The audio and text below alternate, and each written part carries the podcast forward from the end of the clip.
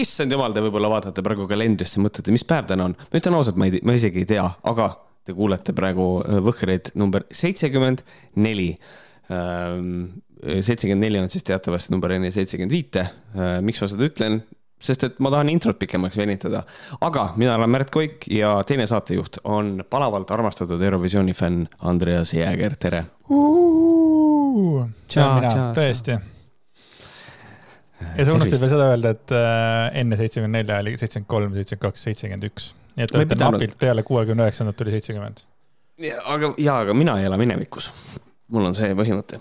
see on äh, väga ilus äh, mõte, kust alustada, aga mina elan minevikus, seega kui teie elate ka minevikus, siis minge krabage endale kähku eelmise nädala Eesti Ekspress või siis minge lööge kähku sisse kiiresti mitte kiiresti, ta võib aeglaselt ka lüüa sisse, sellepärast nüüd on reklaamiminutid, et äh, Andres Jäägeri hull, uus, hull uus äh, kolumn äh, nimega äh, Naiste hirm on päris, ilmus siis eelmise nädala Eesti Ekspressis äh,.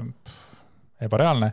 Ja netis on ta siukse pealkirjaga nagu kahe lapse isa Andres Jääger, kui mul oleks võimalik rasedaks jääda, ei teeks ma seda ealeski, sest kardaksin. Ja kommentaatoritel ei ole vaja kaugele vaadata peale pealkirja, et hakata ründama muidugi. aga eh, kõik toimib, eh, olen endiselt eh, hot as fuck, nii et äh, aitäh teile.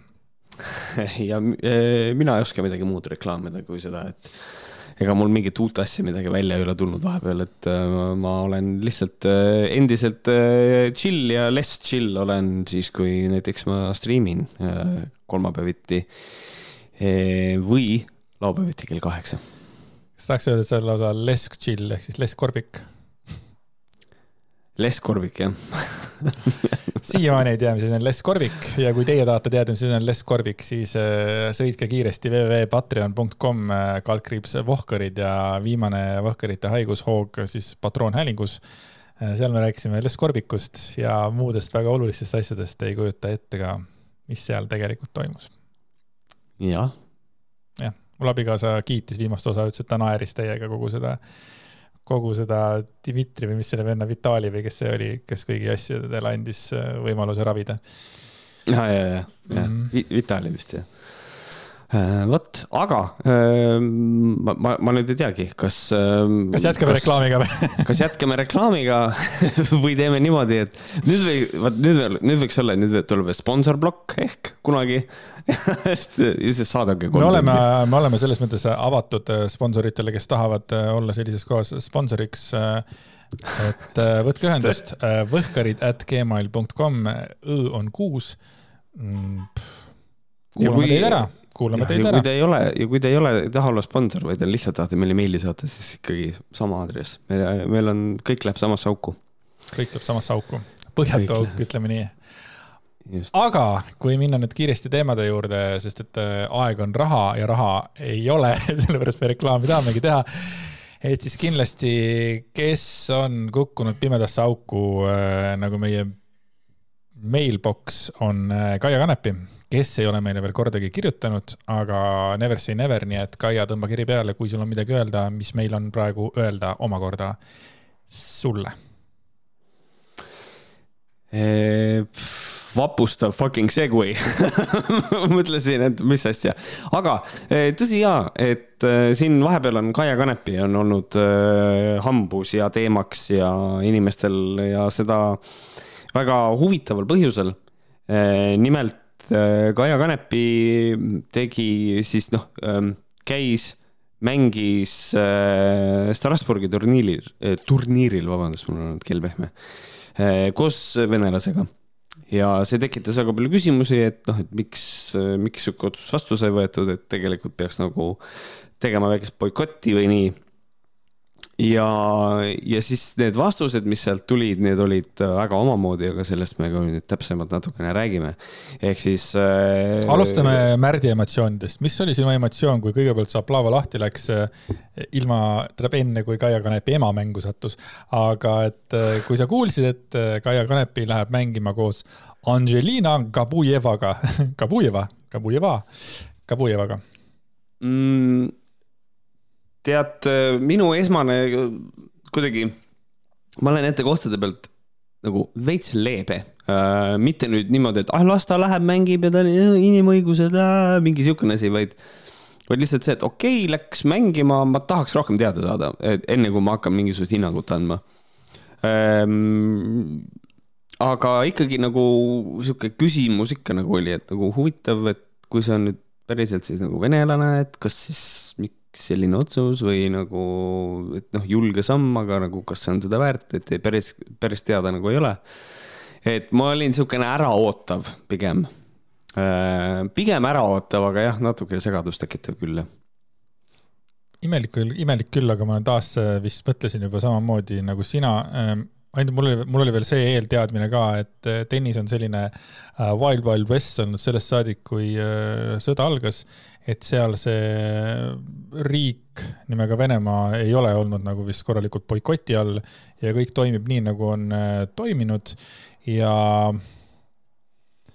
ja noh, ma nüüd ei tea, kuidas seda siis nagu äh, õigustatakse, et nagu, et seal keegi ei võistle nagu riigi eest, vaid igaüks võistleb nagu enda eest. no mis iganes ka ei ole seal, noh.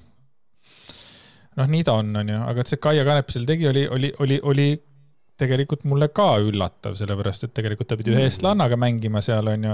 ja siis, kui eestlanna, mis iganes seal oli, kas ta ei saanud peale või whatever the fuck probleem oli ja siis leida endale siis sealt Angelina Kabujeva, eks ole.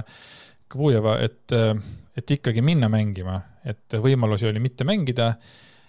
olgugi, et seal oli trahv tulemas, kui ta ei mängi, aga noh, kui sa ütled, et mul nüüd õlg valutab või mul nüüd jalg valutab või mm -hmm. kõht valutab, et siis tegelikult ta oleks saanud sealt kõrvale hiilida aga siis läks natuke aega e-, mööda aega ja tuli välja, et ta ei tahtnudki tegelikult kõrvale hiilida, et asi ei olnudki selles, et, et ta kuidagi tegi lihtsalt väikese vea või ta ei teadnud. sest et nagu siit hakkas vaikselt nagu lahti rulluma selline vaip, mida võib-olla ei oleks kohe oodanudki. et Postimehe spordi osakond tegi näiteks sellise artikli, kus, kus rääkis ka Valdo Randpere, kes oli kunagi vist tema mänedžer lausa. Mm, ja, ja siis Randpere oli, oli öelnud sellised sõnad seal, et ma ei suutnud seda teha. kui ta midagi pähe võtab, siis see, see on seal peas. nüüd on ta pähe võtnud, et sõda ei tähenda midagi ja sellest ta lahti ei lase ja siis, ja siis oli minu tähelepanu juba alrighty then, vaatame, mis siit edasi, mis siit edasi kooruma mm. hakkab, et need on väga karmid sõnad selles mõttes, et nüüd ongi küsimus selles, kas Kaia Kanepi päriselt ütles niimoodi Randperele või Randpere tõlgendas, nagu meie tõlgendame kõike, mida meie tahame tõlgendada. et ta on pähe võtnud, et sõda ei tähenda midagi see on päris karmilt öeldud jah, et noh, see ei jäta nagu eriti ruumi, see ei jäta ruumi nagu mitte mingisuguseks muuks asjaks enam üldse, et noh, see on väga selgelt on äh, sõda ei tähenda mitte midagi, on väga selge statement, et, äh, et noh, et ongi, meil on probleem põhimõtteliselt. just, ja siis äh, Randpere siin samas artiklis ütles veel seda, et äh, ta proovis Kanepile Venemaa alustatud sõja seletamiseks tuua paralleele hüpoteetilise olukorraga, kui samasugune rünnak, samasuguse rünnaku alla langeks Eesti, kuid on temalt vastuseks kuulnud, et Ukrainas käivas sõjas on süüdi ka ameeriklased ning maailm ongi selline, nagu see parasjagu on uh, jälle sealsamas yeah., jälle sealsamas augus, kus istub väga suur osa inimesi. ja just, noh, see on see vana hea narratiiv, et äh, NATO on, äh, mõni, mõni loll ütleb isegi seda, et NATO on imperialistlik ja et NATO laieneb ja Venemaa tunneb ennast ohustatuna ja siis sellepärast äh, justkui on okei okay tungida Ukrainasse ja seal hakata inimesi tapma, äh, mis on noh, omamoodi. et äh, mind huvitab see, et noh, sellest pole kuskil juttu olnud, aga huvitav, kas Kaia Kanepi räägib äh, mingisugustest salajastest sõjaväebaasidest ja biolaboritest ka või mitte? seda ma ei tea, aga ma eeldan, et Kaia Kanepi ema Anne Kanepi räägib nendest asjadest, sellepärast et Anne Kanepiga võeti siis ühendust Kaia Kanepi emaga ja räägiti ka sellest loost, et näed, ta räägib, mängib venelannaga siis koos ja siis äh, Anne Kanepi oli tunnistanud telefoniusutluses Postimehele, mööndes, et sellest võib tulla suur tüli, et ta ei ole ei Venemaa, et vabandust, et ei ole Venemaa ja Ukraina sõjas peavoolu mõtteesindaja. peavooluks peab ta seda, et Venemaa on agressor ja on Ukrainale kallale tunginud. ja et äh, minu jaoks oli ainukene, kes oleks saanud sõda ära hoida, Ukraina ise aga lõpuks tehakse kangelased nendest, kes selle sõja käima lasid. see oli siis Anne Kame Kanepi, kes sellised sõnad siis Postimehe ajakirjanikule lihtsalt ütles sellised sõnad. uskumatu naiivsus, aga tema tõde oli vaja kuulutada ka teistele jah, ja see on päris räme, et noh, tegelikult äh, ma isegi nagu, ma isegi tweetisin seda, vist sedasama tsitaati ka ja siis keegi seal reply des ka ütles, no jaa, aga see on ju Kanepi ema ütles seda. aga hästi oluline on nagu välja öelda ka see, et äh, esiteks Kanepi ema äh, ütleb seda, et noh, et kas ähm, kui, kui Postimees küsis, et noh, et kas Kaia mõtleb samamoodi, siis ema vastus oli, et loomulikult me oleme sellest kodus rääkinud, perekonna asi ju ja see ka kujundab tema arusaamist nendest asjadest, ehk siis suure tõenäosusega mõtleb Kaia samamoodi. ja tegelikult, kui küsiti ka kommentaari ähm, tema käest nagu siis Kaia Kanepi käest, siis Kaia Kanepi vastas ühe ainsa lausega, saates kirja vastu ja ütles, et ma ei tegele poliitikaga ja ei lähe kaasa inimestevaheliste suhete lõhestamise kampaaniaga.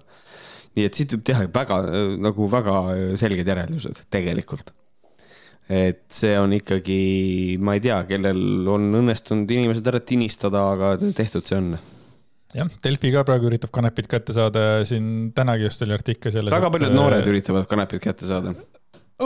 päris hea. ja Delfis on kindlasti palju noori ja need üritavad kanepit kätte saada, aga Kanepi ei ole nõus äh, näost näkku kohtuma ka Delfi inimestega ega, ega mitte kellegi teisega, et, et äh, selles mõttes jah õige, tema poolt selles mõttes ma nagu PR-i mõttes ütlen, see on õige samm, pigem ära räägi üldse. sellepärast, et äh,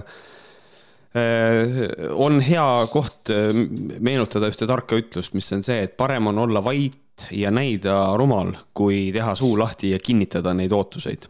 et, äh, et ma arvan, et siin on selline olukord. kas Kaia ei mõelnud nagu äkki Annele öelda, et kuule, et aga ära pigem üldse midagi ütle või? Keeldu kommentaarist midagi taolist, et see nii ava, nii avarate, avarate, ava, ava, avaldatud avarate kaartidega lihtsalt minna ja öelda lihtsalt, et äh, tegelikult Ukraina noh, on ise nagu süüdi selles, et sõda seal on, et kas see on nagu kõige õigem tegu nagu üks kõik nagu, mis, mis, mis see tulem pidi olema, selles, selles on see küsimus. kas ongi lihtsalt see, et ikka Anne Kanepil oli vaja lihtsalt oma tõde teada anda teistele, et see variant on ka olemas, et inimesel on vaja nagu anda teada, mis tegelikult toimub jah, sest et äh, ma ise mõtlen küll, et see võis ikka täiesti selge väikene kuradi ähm, ikka täiesti selge probleem nagu see on lihtsalt, Kanepist ei oleks küll nagu vist keegi sellist asja oodanud, et nagu et nagu sellist asja ütleb aga noh, siin tuleb jälle nüüd, ma ei taha seda ka hakata siin propageerima, seda nõmedat stereotüüpi, et sportlased olid trennis, kui mõistust jagati. aga see on nii nõme, et noh, järjekordne sportlane ja ajab lihtsalt lolli jutusust välja. aga keegi mul, kui ma striimisin, siis keegi mul chat'is kirjutas ja see on päris hea, et noh, tegelikult mõtleme selle peale, et Kaia Kanepi on, on, ta nelikümmend veel ei ole, ta on vist kolmkümmend seitse ja et noh, selles suhtes ta karjäär, noh, seda veel nõks on, eks ole, varsti saab see ka läbi, et tal oleks olnud täiesti suurepärane variant äh, saada näiteks poliitikasse minna või noh, teha midagi sellist. aga nüüd võiks vist, nüüd võib oletada, et see, see nüüd on laualt maas, et nagu. ma arvan, et EKRE-sse, EKRE-sse ta saab minna ja ma eeldan, et ta pigem lähekski EKRE-sse kui kuhugi mujale, mille põhjal ma eeldan seda lihtsalt meelevaldselt. ta saaks Keskerakonda ka, Andreas no seda küll, aga, aga ma just mõtlen, et sest, et eh, ekrelased on väga tugevasti nagu ka Kaia Kanepi kaitseks eh, välja hüpanud, et alates Mart Kallasest ja noh, Varro Vooglaiust me ei räägigi, tema paneb iga päev ja. mingi postituse, kus eh, aga selles mõttes, et noh, Varro Vooglaiul ja Mart Kallasel on õigus seda täielikult teha, lihtsalt, et mm. ma mõtlesin lihtsalt sinu selle korraks vastu vaielda, et ma arvan, et on võimalik küll poliitikasse minna, lihtsalt mitte sinna kus on võitjad? jah, I guess so, ma arvan, et äh, ma arvan, et fair jah, et äh, kui valib teise partei, aga mine tea, võib-olla teeb seda, mida tegi Margus Prangel, et läheb liitub erakonnaga koos hoopis, mida juhitakse Venemaalt. mina lugesin kuskilt seda, et Margus Prangel ise oli nagu üllatunud, et üldse seal oli äh,. jah, ma lugesin ka seda artiklit ja ma lihtsalt ei usu teda okei okay.. ma, ma ei, ma lihtsalt ei usu seda meest, ma ei usu seda. no selge, siis äh, ma arvan, et selliste põhjapanevate äh, selgitustega liigume kohe edasi. selles mõttes, et äh, Varro ja Mart hüppasid küll kanepi kaitseks välja, aga me ei oleks oodanud, et tegelikult kanepi kaitseks hüppab välja tegelikult noh, võiks öelda, et Eesti seksikaim mees. Eesti seksikaim mees. Eesti seksikaim mees, mees., paastunud mees, paandunud, paandunud naiste seemendaja ja kõik muud asjad, mis saab tema kohta öelda ma ei tea, mis asi on paandunud, aga paadunud on ta kindlasti.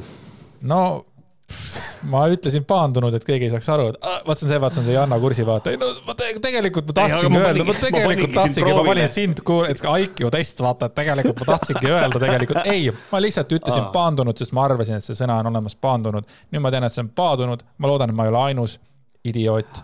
aga võib-olla on veel keegi, kes tänu Märdile said targemaks. aitäh teile, härra Koik äh,. William Koval äh, tõmbas oma Just. rinna, rinna lahe, mitte rinna ei tõmmanud lahti, tõmbas särgi lahti. karva, karvane rind tuli sealt välja ja tema paastunud kümme kilo alla võtnud keha. hea küll, jätame selle keha sinnapaika, igatahes see, mis ta kirjutas, oli kahekümne kuuendal mail selline asi loomulikult oma lehel koos muudame mm -hmm. maailma paremaks, kus on juba üle kahekümne tuhande jälgija, kus oled sina. Anyway, tema pealkiri oli sellele postitusele minu lemmiksportlane. minu lemmik Eesti sportlane ja seda pika puuga on Kaia Kanepi, kellega mul on olnud au ka isiklikult kohtuda ja lobiseda. võin kindlalt väita, et naise süda on väga õige koha peal ja on siirast, siiralt hea, aus ja tubli inimene esimene küsimus, kuidas ta saab nii äh, kindlalt väita, et naise süda on väga õige koha peal? see on sihuke huvitav asi jälle, äh, et ta nagu noh, kindlalt saab väita. mille põhjal? no eks ikka see, et ta ajas seda õiget juttu. või siis see. ei, ta oskab ei. inimesi lugeda. ja mul on kolmas variant ka veel see, et ta sai isiklikult kohtuda ja lobiseda Kaia Kanepiga, see annab hästi palju juurde, et inimene muutub nagu, nagu veel toredamaks, et Kaia Kanepi rääkis temaga, vaata paljud ei taha Villemiga rääkidagi Villem läheb ja räägib midagi, inimesed keeravad näo ära, et ei, ei ja, ja kusjuures ja vaata ja nüüd tuleb endal tuleb see, ma noh, saan ise aru, et ma olen kallutatud, et nagu tegelikult kui ta, kui ütleme, et ei oleks Kaia Kanepiga olnud seda kuradi kogu seda aplaavat, mis nüüd on, eks ole, et oleks lihtsalt tulnud lambist postitus, sest et see postitus ei tulnud lambist. oleks lihtsalt täiesti lambist William Kaval oleks järsku öelnud, talle meeldib Kaia Kanepi niimoodi, parim Eesti sportlane, et ammu ka rääkinud ja siis naeraks välja ja, jah, raudselt rääkis ja, ja tere ja, ja, ja, ja selge ja, ei, ja, ja olen ja, ja mingi noh, et selline tüüpiline vestlus, davai, ma tahan ära minna, palun luba mul ära minna. aga nüüd teades nagu seda, et Kaia Kanepi ja tema seisukohti, siis tead, võib-olla nad päriselt rääkisid juttu, ütlesid sellest, et kurat küll, kuidas venelastele tehakse liiga. Who knows, täitsa võimalik. ja no vot, sinna jõudsime mõtetega aga eh, William eh, maskita mees Koval ütles järgmised eh, asjad kirjutades. Kaia, kogu mõtlev Eesti rahvas toetab sind selles olukorras ja saadab sulle palju jõudu, tuge, naeratusi ja jaksu. tea, et sa pole üksi, oled võitleja hingega ning tuled hingetud, argpükside lobitud pasarahaga toime nagu tõeline võitja. kõik, kes endale truuks jäävad, teevad sarnase asja läbi, see kasvatab sind veel tugevamaks, kui sa juba praegu oled. Need tühistajad on nii lühinägelikud, et ei suuda mõista. kui nad seda teha üritavad, siis kasvatavad sulle paksema naha ja täiustavad sind veelgi. igale jõule on olemas võrdväärne vastujõud, seega kui sa toetad Kaiat, siis saada talle mõttes kõike paremat, soovi, vaprust, julgust, naeratusi ja tugevat närvi. koos oleme tugevamad, nagu ta alati tuleb panna lõppu hmm.. ja rahvas on selle võtnud väga positiivselt vastu muide. mina suur numbrite huviline üheksa, nelikümmend seitse laiki, nelikümmend viis jagamist, asju toimub, selles mõttes rahvas on äh, ühel nõul. Äh, mina olen Villemiga selles mõttes äh, ühel nõul, et Kaia on tore ja kõik tore sportlane, aga ma ei ole sellega nõus, et ta on tühistatud. et me oleme nüüd jälle kuskil sellises kohas, et nüüd Villem kasutab täiesti suvalises kohas sõna tühistama. kas Kaia Kanepi mm -hmm. on tühistatud, see on vana hea küsimus, kas sa tunned, et Kaia Kanepi on tühistatud? no ei ei tunne aga, aga kurat, ma ei tea, see on, mulle nagu tekitab minust seda nagu teatavat rõõmu nagu see, et kui oli kahekümne, kahekümne viiendal tuli välja see asi, kahekümne kuuendal tegi Koval postitus, siis kahekümne neljandal Kovali fännid olid kõik nagu mingi igaühe käest küsid, et noh, et mis su lemmikspordiala on ei tea. ei oskagi öelda, võib-olla jalgpall, võib-olla korvpall, ma ei tea, ma ei tea, ma ei tea, lemmiksportlane. Ma ei tea, Michael Jordan, ma ei tea, ma ei tea, ma tõesti ei tea. ja siis kahekümne kuuendal, mis su lemmikspordiala on? tennis.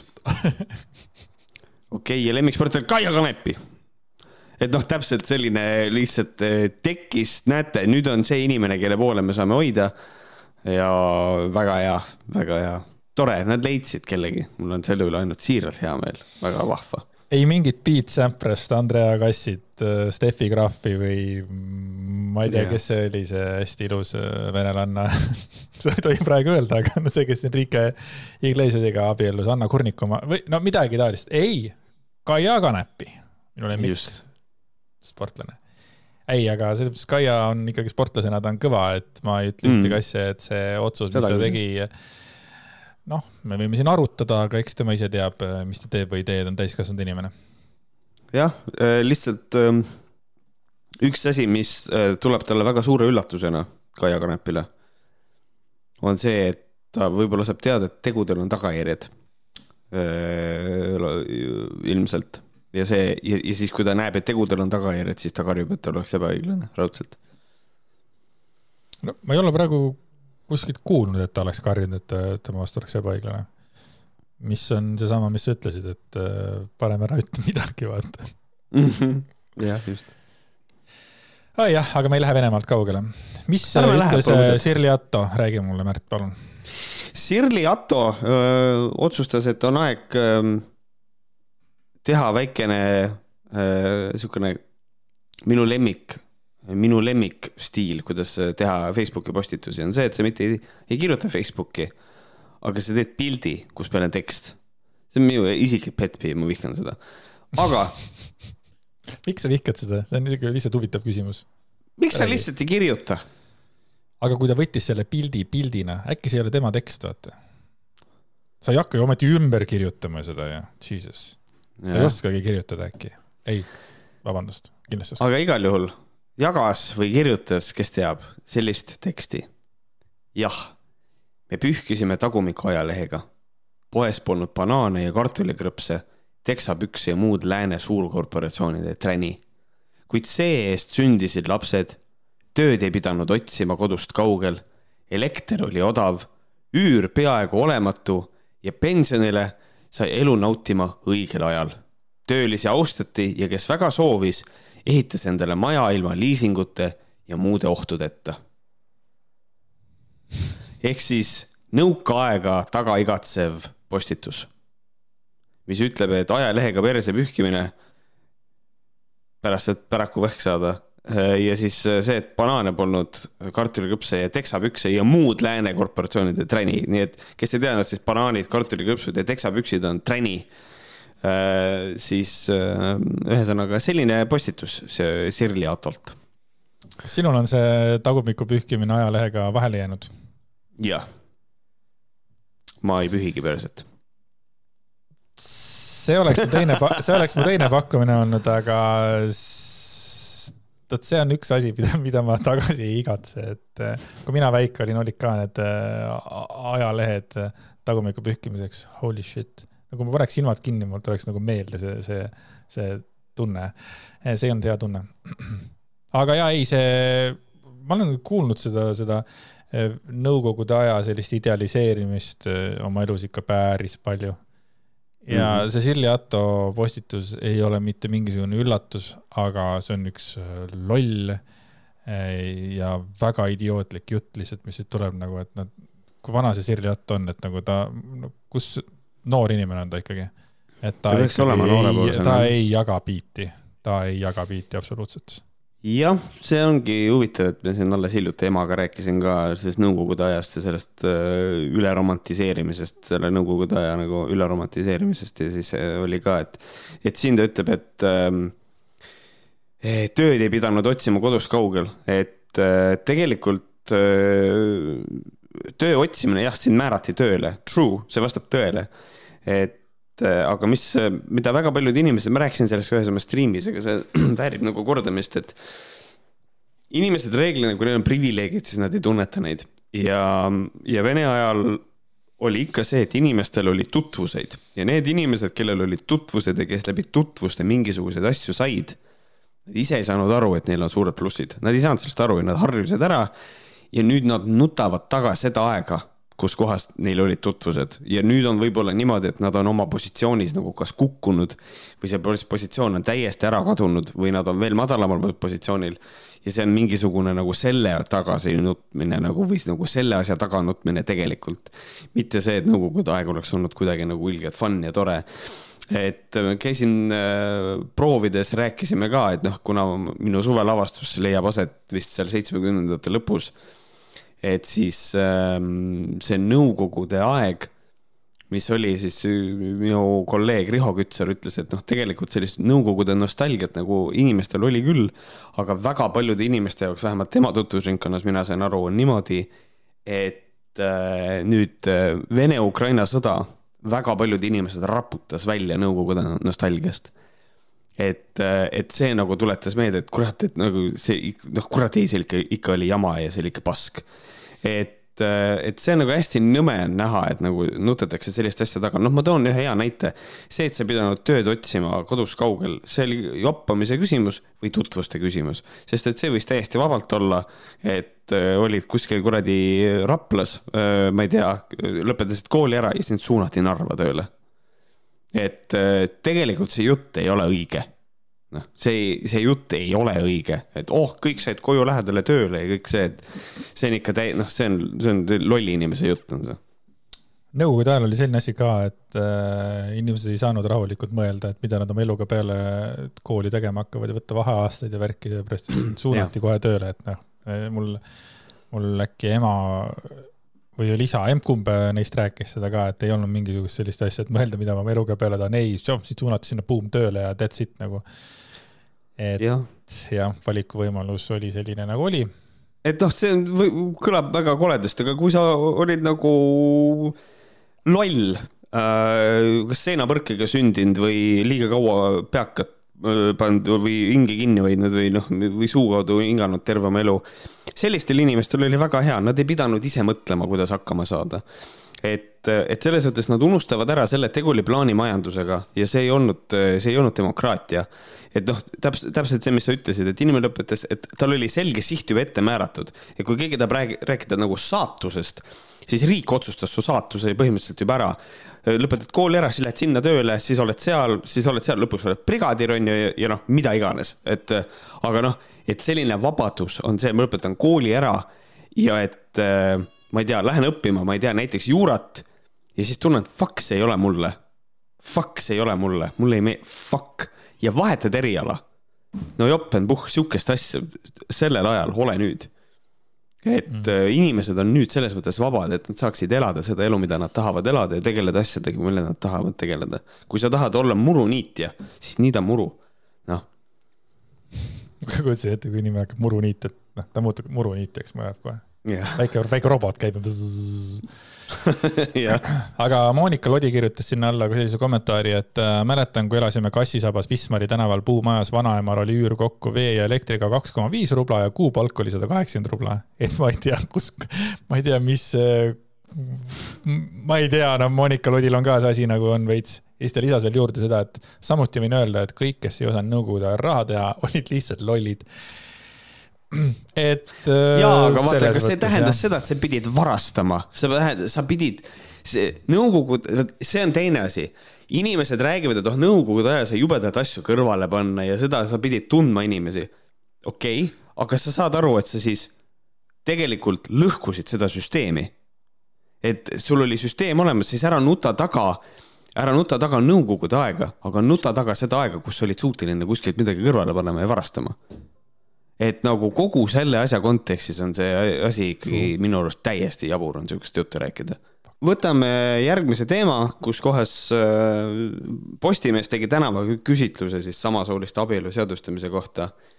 ja see tegi siin äh, veebis ka käis ringi, et üks inimene, kes äh, siis kandis nime Kirill ja oli kirjutatud, et ta on filosoof ta pani endale samamoodi nime, nagu mina panin Uhu ekspert. jah, et ähm, ühesõnaga, et tema käest küsiti, et kuidas. mis sa paneksid? sa ei ole näitleja, sa ei ole püstijalakoomik ja sa ei ole isa, mis sa ütleksid, kes sa oled? aa, mul tullakse, oli, öeldakse, boom. mul oli olemas, mul on olemas see, ma olen seda ka kasutanud, mitte kuskil, kunagi oma blogis kasutasin seda, arvaja. Davai, siis jääme selle larva Jah. juurde ikka. mitte arvamusliider.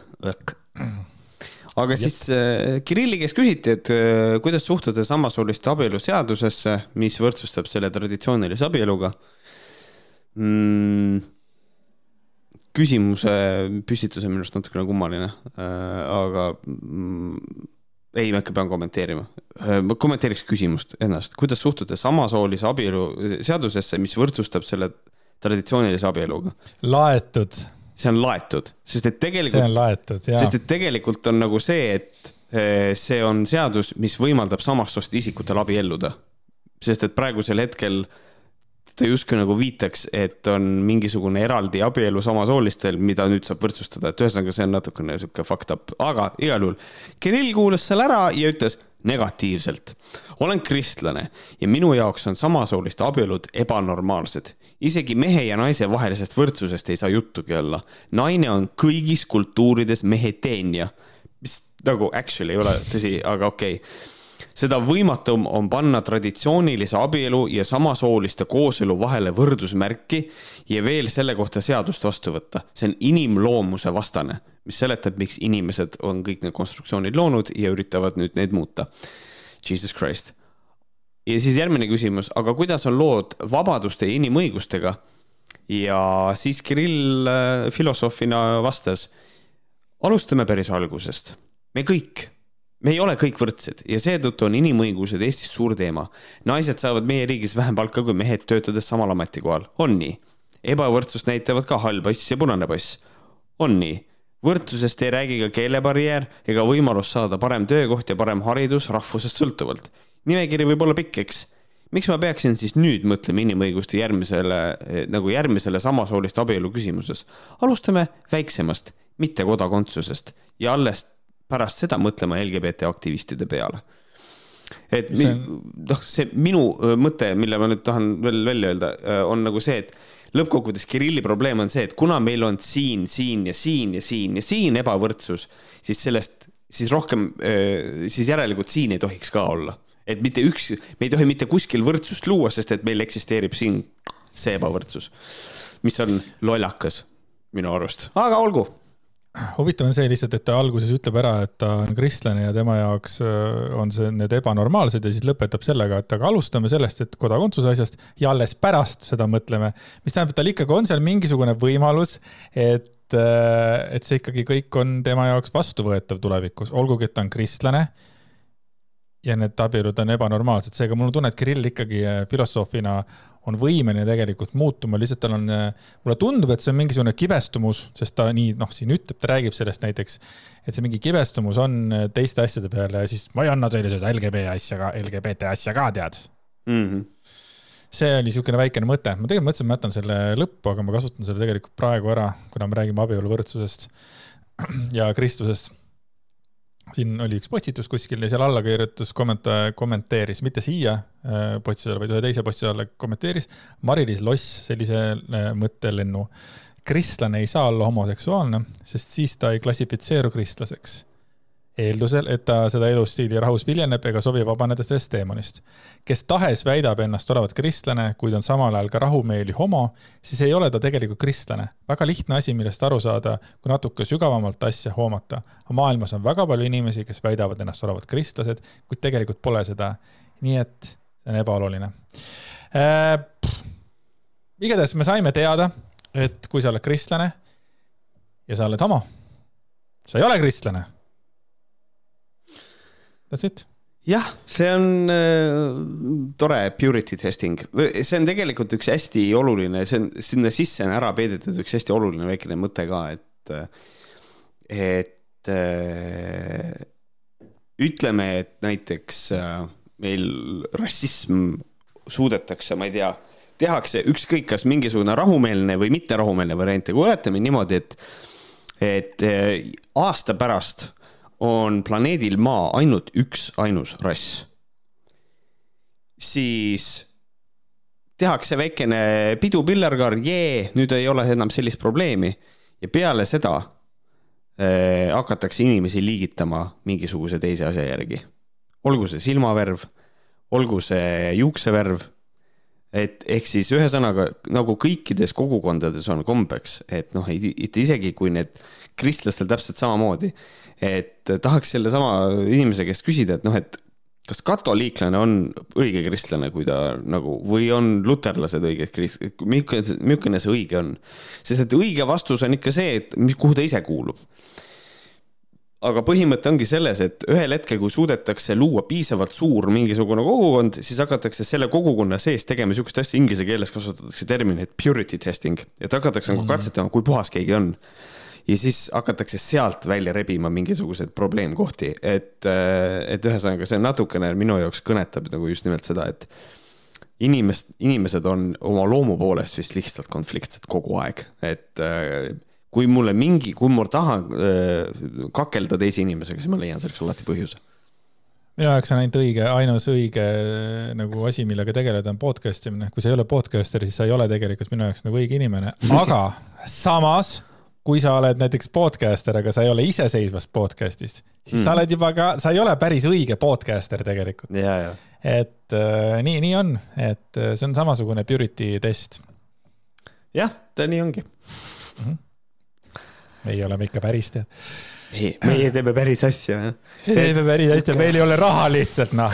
keegi ei taha meid võib-olla jah, aga, aga siis, aga selle filosoofi härra jutt sellest äh, mehe-naise vahelisest võrdsusest ei saa juttugi olla, siis okei okei.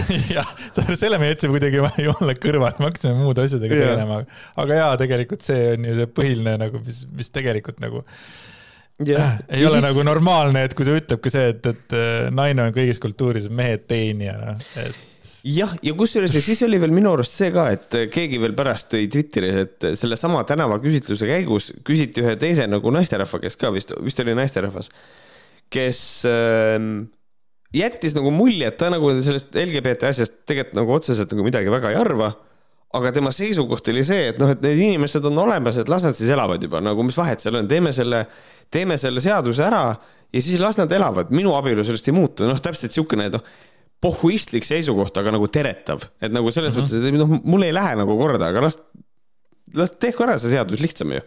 noh, mingisugune niisugune et see oli ka nagu tore nagu näha, et on, et ikkagi on olemas inimesi, kes nagu noh, ongi, et kurat, see gei värk, ma ei saa sellest aru, aga las abielluvad, vahe seal on. ja siukene naine nagu Natalja Reutova, kes on dispetšer. just, jah. sama see küsimus oli ja siis äh, et kas on vaja seadustada kahe täiskasvanu õigus abielluda sõltumata soost? rohkem kui vaja. kui neil oleks kümme aastat tagasi selline seadus antud, siis praegu ei tuletaks me mingit LGBT-d meelde. inimestele tuleb anda võimalus elada normaalselt, lahendada oma küsimusi kohtute seadusandluse raames, nagu see on võimalik kõigil. miks nad lippudega ringi käivad? Nad ju nõuavad tunnustamist, no tunnustage siis neid las nad elavad vaikselt ja rahulikult omaette. kellele neid nende ideedega What? vaja on? Neile endile What? Fucking based, ma ei saa aru, kuidas on võimalik, et üks, üks kuradi Natalja nimeline dispetšer tuleb ja ütleb välja selle, mida on vaja välja öelda. miks nad lippudega lehvitavad, sest neid on vaja tunnustada, tunnusta ja nad lõpetavad selle lehvitamise ära. üsna ruttu. noh, ja siis on ja siis me ei saa tunnustada, see on noh, Jesus Christ, appi. aitäh, Natalja, Jesus Christ. Natalja cool, Kirill not so cool. Not so cool. aga eh, kes veel not so cool, võib-olla on ka. Enoch Haamer, eh, coolest name nii nagu ever nagu, kakskümmend kolm eh, ja, ja Haamer veel peale selle. et Haamri Enoch siis kakskümmend kolm mai võttis Facebooki ja kribas sinna teksti. Need kuussada, kes andsid allkirja abielu, abieluseaduse muutmise toetuseks, on teinud väga saatusliku sammu. Nad on astunud eesti emakeele hävitajate tsunfti. lihtsalt ütlen vahele, et mina kuulun nende hulka järelikult mm. -hmm, tahtsin sind kohe ründama, et siis võtsid mult relva ära, aga lähme edasi. kui abieluseaduses ei tohi enam kasutada sõna isa ja ema, siis avatakse tee kogu Eesti Vabariigi seaduste ümbertegemisele. mitte ainult seda, meil tuleb hakata alluma, kui keegi ütleb, et ei tohi ka kasutada enam sõna isamaa, sest ei meeldi kas te kujutaksite ette laulda Mu isamaa, mu õnn ja rõõm asemel, mu vanem saa, mu õnn ja rõõm naerate selle üle. aga kui kellelegi ei meeldi ja teie tahate neile hoolega vastu tulla, siis peab, sest nende tahet peab austama. järgneb kujuteldamatu aktsioon, sest kellelegi ei meeldi üldse, kuidas Eesti rahvas mõtleb ja räägib. Enok läks omadega täiesti lõppu välja. peaaegu lõpuni jah, nagu selles laulus, lähme lõpuni välja. et äh, ma ei saagi aru, et noh, esiteks ta ütles abieluseadus, tegelikult on perekonnaseadus, aga oh, nii. kui ma lugesin esimese lause ära, et ma olen astunud nüüd emakeele hävitatud tsunfti, siis ma tahtsin väga-väga teada, kuidas see nüüd täpselt siis välja näeb, et ma emakeelt hakkasin hävitama ja tuleb siis vana hea mõte, meil tuleb hakata alluma, kui keegi ütleb, et ei tohi ka kasutada enam sõna isamaa. Siis on jälle noh, ma tahaks teada, kuskohast see loogika tuleb, et sa ei tohi isamaa öelda tahaks teada, kustkohast see tuleb. et see ka, et mu isamaa, mu õnn ja rõõm asemel laulad mu vanem saa, mu õnn ja rõõm. aga isamaa ei ole mu vanem, miks ma peaksin siis laulma vanem? mul jookseb, mul jookseb juhe kokku. vanem maa, äkki nii siis? jah, mu va vanem, vanem maa nagu vanem sidekriips maa, mu vanem maa või midagi siukest, aga ei, ma ei, ma ei, ma ei saa sellest aru, see on ma reaalselt, mul oleks vaja, et Lauri Vahtre tuleks mulle külla, määriks mind oliiviõliga, masseeriks ja samal ajal räägiks mulle, kuidas, kuidas see isa ja ema ärakaotamine nüüd siis käib, sest et ma ei keegi, saa aru. keegi võiks selle kah kähku välja lõigata. Huvitav küll, kui keegi seda teeks, jesus. Et, et ei, vot ma ei saa sellest aru ja siis mul on see ka, et kui abieluseaduses ei tohi enam kasutada sõna isa ja ema, siis tehakse tee lahti kogu Eesti Vabariigi seaduste ümbertegemisele. Äh, see tee on lahti ammu, see, meil on olemas selleks organid, kellel on olemas lahti, et Eesti Vabariigi seadus ümber teha. selle, selle nimi on meil äh, meil on olemas Eesti Vabariigi valitsus, meil on olemas selle jaoks Riigikogu, et nagu kuule, et nagu tegelikult see tee on lahti. Eenok Haamer, palun mõtle nüüd. ja siis, aga miks ei tohi kasutada sõna isa ja ema, sest et see tehakse sooneutraalseks. Äh, seda ei tohi kasutada sellepärast, et asi oleks juriidiliselt ja õiguslikult selge ja arusaadav. aga kellel ei ole, on isa soovitusel Enoch Hammer. jah, eks me tegeleme selle asjaga veel pikalt, et öelda, et ema ja isa sõnad ei kao ära.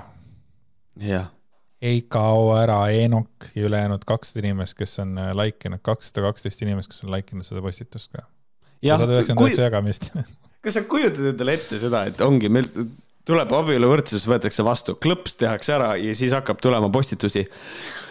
Nüüd ma ei olegi enam ema, kes ma nüüd olen, vanem üks või vanem kaks, kus ma tean, millal mulle valitsus sellest teada annab? noh, hakkavad tulema siuksed asjad. jah. ei, ei väga cool. ei, tubli, aitäh, Haamer, Eenok, läksid jälle lõpuni välja.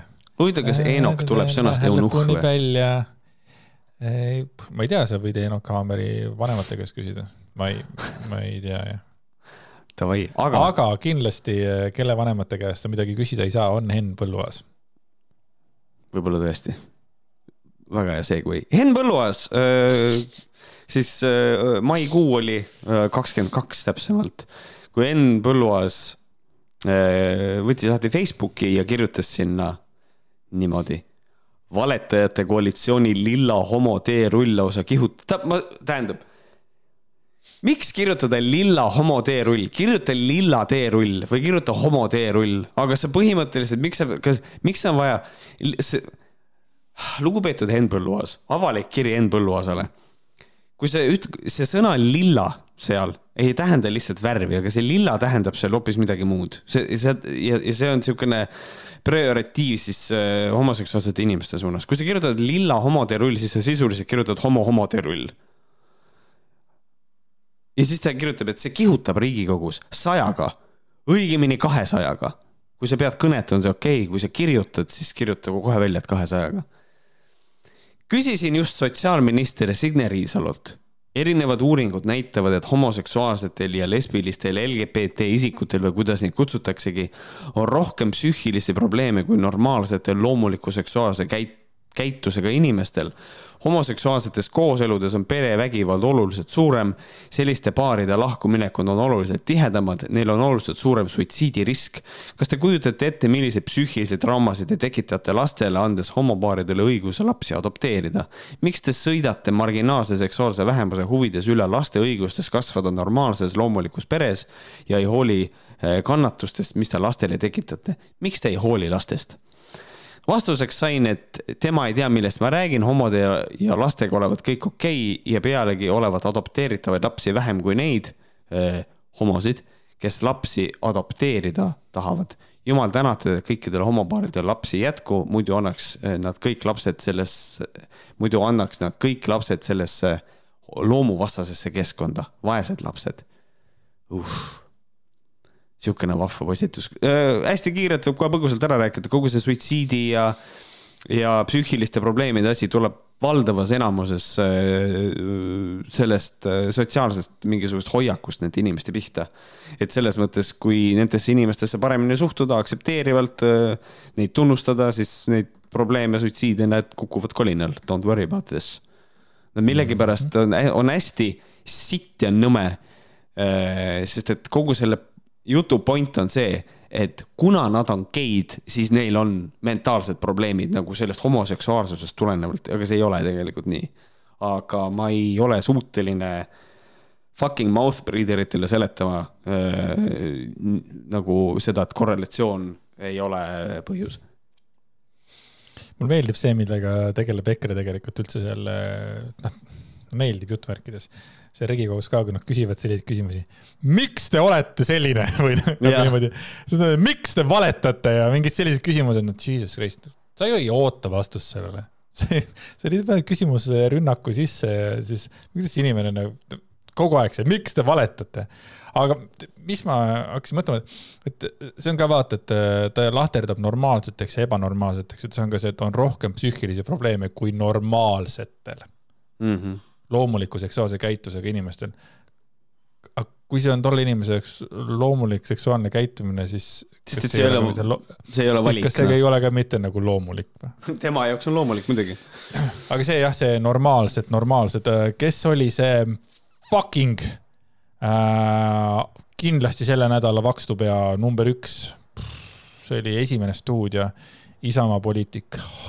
issand jumal issand jumal, Andres ja ma vaatasin seda ilma sinu striimita, vaatasin ma seda. ja taaskord ja siis, kui ma pärast vaatasin striimi järgi loomulikult, siis sa rääkisid seda, mida mina mõtlesin terve selle aja, kui ma vaatasin seda. no see ei ole reaalne lihtsalt, kas, kas nagu ei leidnud nagu tõesti, et kas nagu kas teil ei ole ühtegi veel lollimat inimest nagu see, kas te otsite kõige lollima inimese nagu üldse sealt nagu, kes, kes nagu ütleb ühte asja, no, no me kuradi nagu ikka peab olema eeskujuks, muidu ka ikka normaalne, mida sa räägid? türa ühtegi lauset ei tulnud sealt normaalselt välja ja tõesti, mul on ka tunne, et Varrol oli veits häbi seal olla tema kõrval lihtsalt kuidagi, ei noh, nagu Var-, nagu mina, siis nagu ka Varro arvab niimoodi no ma ei tea, see oli nii õudne, mis see tüübi nimi oli lihtsalt, kes ei ole vaadanud seda esimest stuudiot, siis see on tõeliselt äh, nauditav vaatamine mm,. see oli siis eelmisel nädalal. seega, kui täna on kakskümmend üheksa null viis, siis see oli seal kuskil kolmapäev, see on kakskümmend, kakskümmend neli null viis äkki. kakskümmend neli jah kahekümne neljandal. et äh, vaadake see järgi ja siis te saate võib-olla aru, mille peale ma pahvatasin korra, sest et äh, ja, ja, ja see, igatahes see esimene stuudio siis mm,.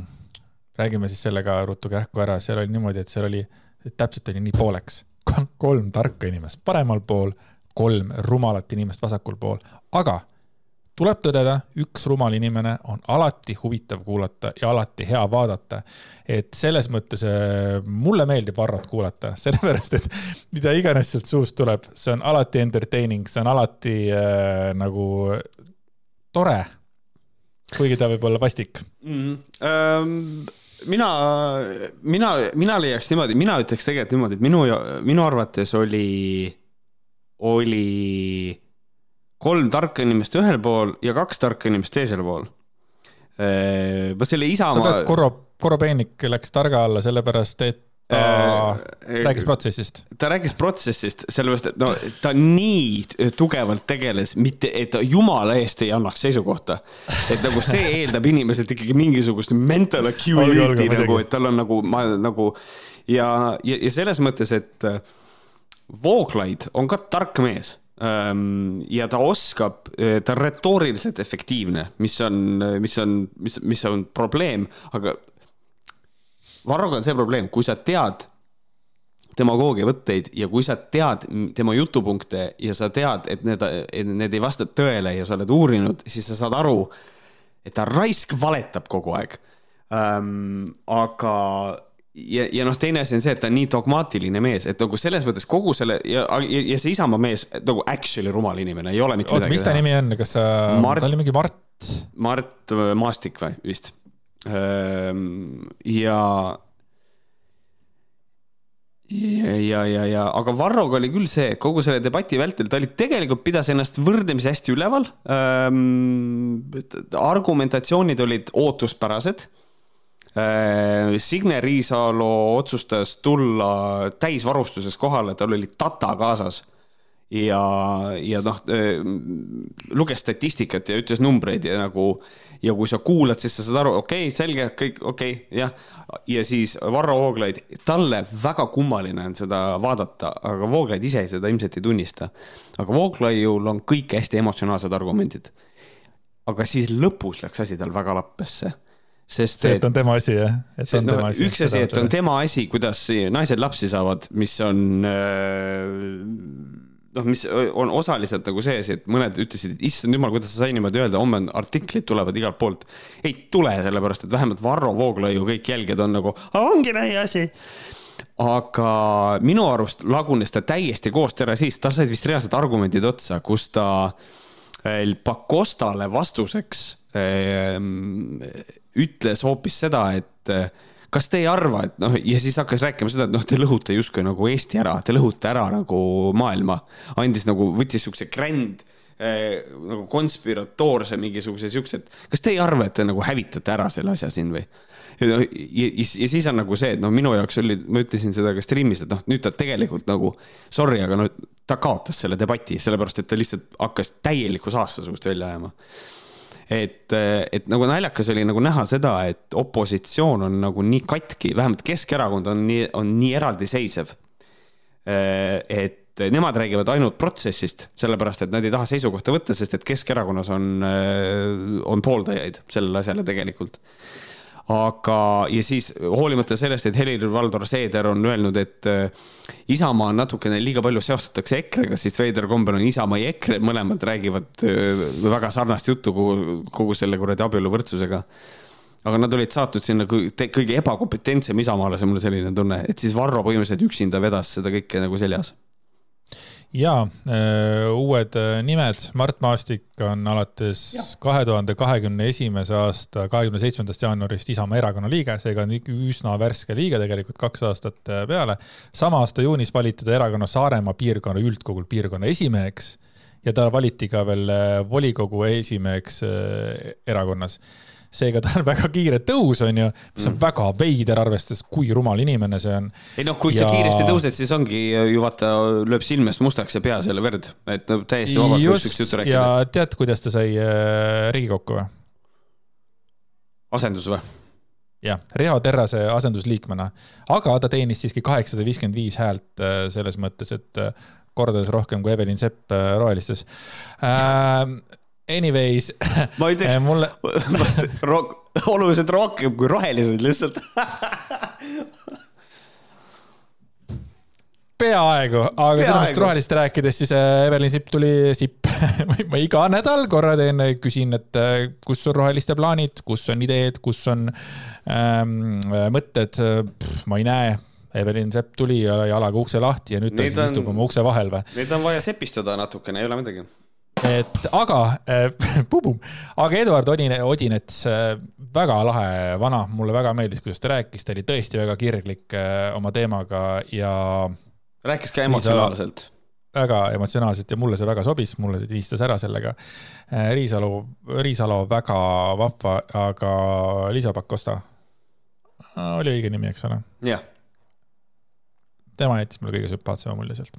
ma ei olnud teda väga näinud rääkimas ja ta meeldis mulle mm. -hmm. see oli hästi naljakas, nad olid, nad olid pandud sellisesse järjekorda, et nad läksid järjest vähem emotsionaalsemaks, oli koalitsiooni omad, et oli Odinets, siis oli Pakosta ja siis oli Riisalo. et noh, Riisalo oli tegelikult konkreetselt oli Exceli tabel, kes rääkis. Äh, Odinets oli nagu inimene, kes rääkis ja siis äh, Pakosta seal vahepeal oli noh, natuke siit, natuke sealt siukene et äh, neil oli, nad olid väga hästi valmistunud selleks kõigeks. ja siis Varro oli ka hästi valmistunud. Äh, Korobeinik ei saanud üldse, tal, tal vist isegi ei helistatud äh, ja siis see kuradi Mart Maastik, talle saadeti ka, et noh, jutupunktid ära, aga ta ei viitsinud lugeda, ta luges neid, selle mingi esimese lõigu ja oligi kõik mingi sihuke väga inetu kõik väga inetu aga äh, liigume edasi, liigume emotsionaalsetest meestest äh, väga emotsionaalsete kirjatükkideni. Delfis Delfis ilmus. nägin, ma sain aru, mis sa tegid Delfis ilmus, ei, ei, ei, kuule, väga hästi tuli välja. ja, ja lähme edasi, nii. Eesti Päevaleht siis äh, Sandra Vokk äh, ehk siis äh, sotsiaalantropoloog kahekümne neljandal mail võttis kätte ja tegi oma vahva artikli, kus ta kirjutas ähm, asju. näiteks, hakkame otsast minema vaikselt kuni meie ühiskonnas vohavad koduvägivald, seksuaalne väärkohtlemine ja prostitutsioon, ei ole Eesti meestel moraalset õigust pidada loengut pereväärtustest. Äh, lähme samm-sammu haaval. Märt. nii. mis sa arvad ehm,? ma, mul on alati nagu see, mul käib alati jõnks seest läbi, minu esimene, see jõnks käib seest läbi, et, et mul on see hashtag not all men miks mina ei või rääkida, ma olen teie poolt, et nagu miks mina ei või rääkida, aga siis ma saan aru tegelikult sellest, et tere, et me räägime asjadest, millel on valdavalt äh,, äh, valdavalt meestekeskne probleem, on ju. et siis nagu selles mõttes selline üldistus on okei okay teha ja ma olen alati öelnud, et kui sa mehena tunned ennast puudutatuna, siis võib-olla on, oled sina osa probleemist. sest et mina loen seda et mul ei ole moraalset õigust pidada loengut pereväärtustest, sest et meil on Eestis vohab koduvägivald, seksuaalne väärkohtlemine, prostitutsioon. ma tean, et ma olen tugevalt nende, eh, nende asjade vastu. Ehm, pereväärtuste vastu. Eh, pereväärtuste, et ma tean, et ma olen nagu tugevalt, ma ei ole prostitutsiooni vastane otseselt nagu selles mõttes, ma ei, ma ei tea, miks esinen, aga, aga noh, see on, see on ka, on olemas on olemas äh, naisi, kes on hästi anti-sex work ka, et noh, see on, see on, see on fine. aga see ei puuduta mind, sest et mina olen nagu selles mõttes, ma olen paljudes asjades temaga päri, mõnede tema seisukohtadega ja ma tean, et noh, mina lihtsalt selle meeste klassi alla ei kuulu. Äh, ja teine asi on see, et millest äh, kuhu me ka pärast edasi liigume, on hästi nõme see, osad mehed ei saa nagu aru sellest, et selline hästi kuidas ma ütlen, peale lendav stiil või nagu see, et äh, Eesti meestel ei ole moraalset õigust pidada loengut pereväärtustest ja, ja, ja, kõik see. see on natukene meta, see on natukene selline sotsiaalne kommentaar on, on, on see toon. sest et tegelikult see on see toon, millega ühiskonnas jõupositsioonil olevad mehed räägivad naistega. ehk siis tegelikult, kui sa sellest aru ei saa, siis mul veits nagu tunnen kaasa et need on, need on nagu minu seisukohad, et üldiselt mul ei ole probleemi sellega, mis ta ütleb. tahaks sinuga veits vaielda ka, aga tere, ma ei saa, no taaskord, no need on täpselt needsamad mõtted, kui ma hakkasin, kui ma seda artiklit lugesin, ma olin, et holy shit, let's go, vaata, et äh, kus me sellega liigume, et äh, samamoodi ma ei tunne mitte mingisugust äh, äh, mitte ükski minu sees ei liigutanud, ma ei või nüüd rääkida või nagu ma ei tea, et minust räägitakse oh,, sest et tegelikult me ju sinuga ka, me ju ka räägime seda, et noh, meeste, meeste probleem on see. Ja me räägime, et no meestel on nii ja meestel on naa, tegelikult ju räägime. Ja me räägime ise olles mehed, aga me räägime hoopis teistest meestest, noh. et noh, ma ei tea, sihuke tundub minu jaoks nii okei okay ja normaalne asi, ma ei tea. täiesti nõus. Ja ma lähen sellega edasi ja nüüd me iga lause taga ei peatu, vaid lähme selle reega edasi, kuni meil on midagi öelda ja Sandra jätkas, äh, vähe sellest, et see pole usutav, see on kirja, silmakirjalik ja kohatu, seega lugupeetud võimu, kirja ja pühamehed, enne kui te Pole käsile võtnud vägivalla, võimu kuritarvitamise ja katkiste suhete juurpõhjuseid. tehke maailmale teene ja ärge hakake seda traditsiooniliste väärtustega päästma. jah, jah, see on täpselt Teil ei ole õigust rääkida pereväärtustest, kui perekond ja kodu on Eesti naistele ja lapsele kõige ohtlikum koht. uuringud kinnitavad, et perevägivald on ennekõike naistevastane vägivald, see tähendab iga kümnest perevägivalla ohvrist üheksa on naised. taaskord, tuled vaidlema või raisk? Ehm, perevägivald on tavapärane paljudes traditsioonilistes Eesti peredes, aga politseini jõuab aga vaid väga väike osa vägivallajuhtumeid, see tähendab jäämäe veepealne oma naist ja lapsi peksvat Eesti meest ei pea otsima tingimata alkohoolikute või asotsiaalide hulgast, kuigi ka sealt teda ta kahtlemata leiab. oma naist peksab ka täiesti tavaline keskmine Eesti mees, olenemata sellest, mis ühiskonnakihtide kuulub. Äh, naisel on vägivaldse mehe juurest äraminemine meie Euroopa kohta erakordselt soli-, sooliselt ebavõrdses ühiskonnas eriti keeruline sest see tähendab paljudele naistele vaesusse langemist. võime olla kindlad, et ka traditsioonilist perekonda toetavate meeste hulgas on rohkesti neid, kelle jaoks oma naise ja laste kallal vägivalla tarvitamine on täiesti normaalne traditsiooniline tegevus.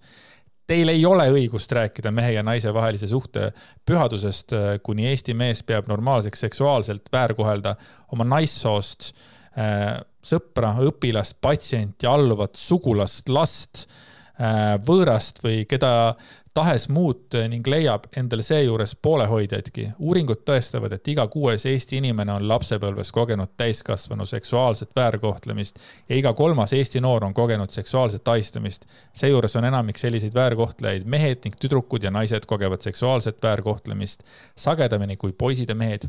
Eesti naistest pooled on vähemalt korra elus kogenud seksuaalset ahistamist meedia on viimastel aastatel kajastanud lugusid meeste toime pandud seksuaalsest ahistamisest Eh, mida on püüdnud õigustada nii ahistajad ise kui ka nende poolehoidjad, sageli ohvrit süüdistades. lugupeetud võimurid, papid ja piiskopid parempoolsete sildi alla taha peitunud vasakpoolsed eugeenikud, keskaega igatsevad vannabi senjöörid ja teised haritlased abielu pühadusest ja pereväärtustest on teil õigus rääkida siis, kui Eesti mees ei ole enam statistiliselt eesrindlik abielu rikkuja, naisepeksja ega lapsepilastaja.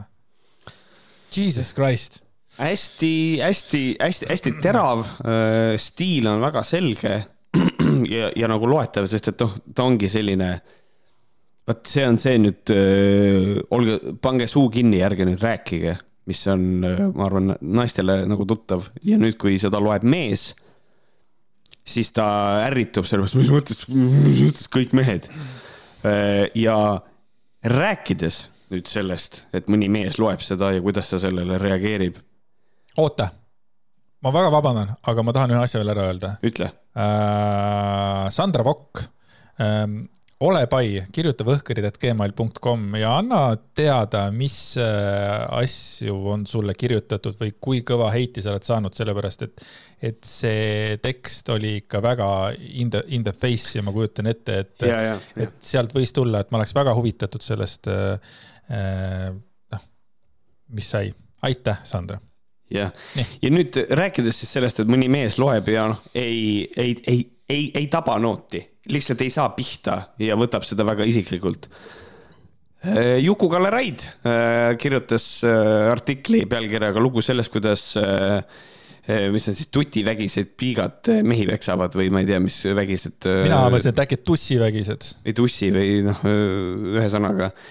ja Juku-Kalle Raid mul hästi kahju, et ta ei, ma nüüd räägin nagu noored rääkisid kunagi, ei, et ta ei, nagu ei, ei jaga biiti või ta nagu ei saa aru et lendab tal üle pea, sest et Juku-Kalle Raid kirjutab, et Eesti mees, Eesti meestel ei ole moraalset õigust pidada loengut pereväärtustes, ütleb üldistades ja kõiki Eesti mehi hukka mõistes minu hinnangul üsna kibestunud ja tige Sandra Vokk Eesti Päevalehes.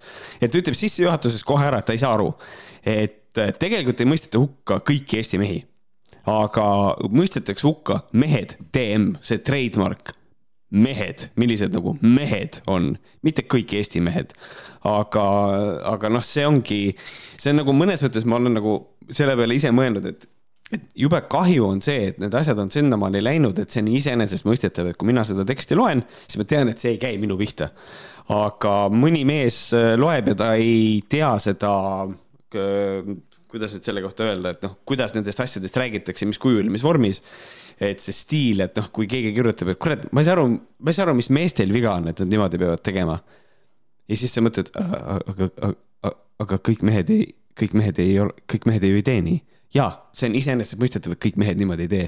et see ongi mõeldud nende meeste pihta, kes teevad niimoodi. et noh, mehed teevad ise täpselt samasuguseid asju, naistele meeldib ju see. kas tegelikult mõtleme, et kõikidele naistele meeldib, noh, tegelikult ju mitte. Noh, või naised on sellised, ei, me mõtleme, et väga paljud naised on sellised, aga me ei mõtle, et kõik naised on sellised. et on hästi, ma olen kuidagi jahmunud, et Juku-Kalle Reit selle koha pealt lihtsalt nii rumal on, et aru, aru ei saa sellest, hästi kahju on Äh, aga Juku-Kalle jätkab stereotüübid on lahedad asjad, näiteks sihukene, kõik naised on kanad, kõik mehed on sead. lihtne, loogiline, paljude jaoks täiesti käibiv maailmamudel. meie arvukad EKRE esindajad ja mitte ainult nemad on ikka aeg-ajalt meelde tuletanud, kuidas naine asetsegu pliidi ning rusika vahel. Sandra Vokk on aga vihaste šovinistlike vanameeste noor naisvariant, ainult et sihtmärk pole mitte naised, vaid mehed kui nähtus või kollektiivselt nõme ilming.